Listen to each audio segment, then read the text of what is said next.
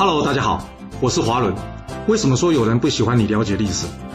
因为历史可以让你了解顶层阶级的思考方式，成为他们的竞争者，也可以让你看到许多前人成功以及失败的案例，让你的竞争对手睡不好觉。而最重要的是，历史可以让你了解人性。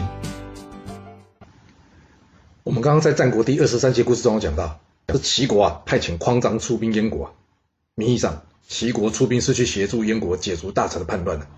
然而实际上呢，齐国出兵的目的是怎么样？要为了消灭燕国啊！觉得齐国很没有道义，对不对？但这就是战争真正的面目啊！要是你有听过我们前面说的春秋战国的故事，你就会知道，这战争啊，从来都是顶层阶级利益的争夺之战。他们或许为了名，但是更多的是为了利。至于我们耳熟能详的正义公理啊，一直以来啊，都只是他们嘴上的借口或是理由啊，因为。要是没有这些理由啊，他又如何让下面大量的平民呢，甘愿牺牲自己的财富、生命去支持这场战争呢？没有大量平民的牺牲，那就没有他财富或权力的快速累积呀。所以，千万不要想去美化战争的任何一方，或是帮他们找出公平正义的理由啊。因为战争的背后，通常只有一个原因，那就是利益啊。想要知道乌俄战争何时会结束，并不是从俄国攻下多少领土，或是乌克兰夺回多少失地。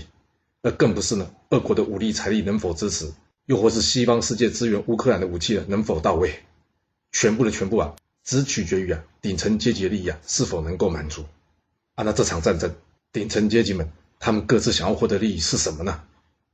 要是要从动机来判断的话，通常并不容易啊。但是要是我们从结果来判断，这个问题或许会简单一点。这样说吧，我们将战争比喻成犯罪。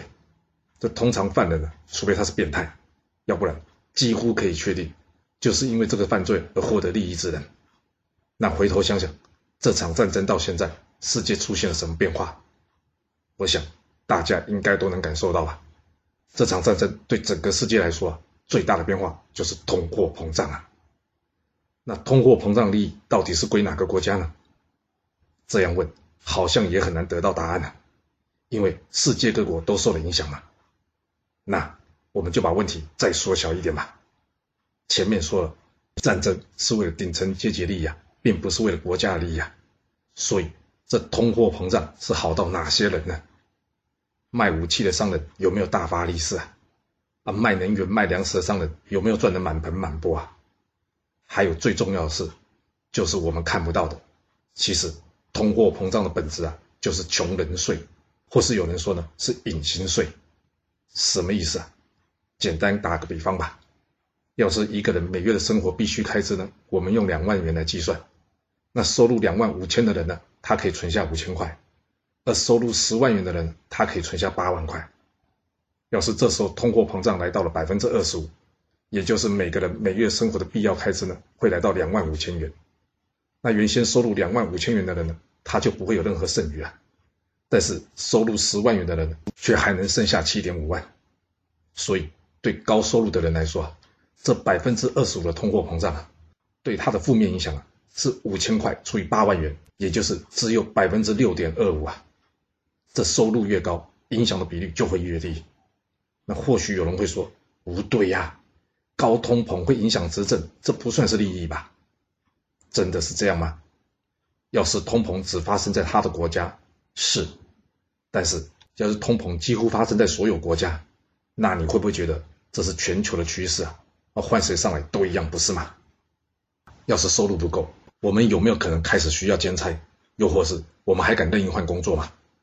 那这会对谁带来好处呢？或许有一天呢，当我们发现企业家不再需要这么多劳工，也就是失业率开始攀升的时候，这才是战争与通膨结束的那一天，你说是吧？若是您有其他想法，也欢迎留言分享你的看法给大家哦。好了，我们今天就先说到这。若是你想要知道完整版的故事内容，欢迎您可以到说明栏中找到我爱故事频道的连结。要是你喜欢这个频道，还要麻烦您动动你的手指，点赞、订阅、追踪，或是给我五星评价的支持，以及留言分享哦。谢谢您来收听，我们下次再见。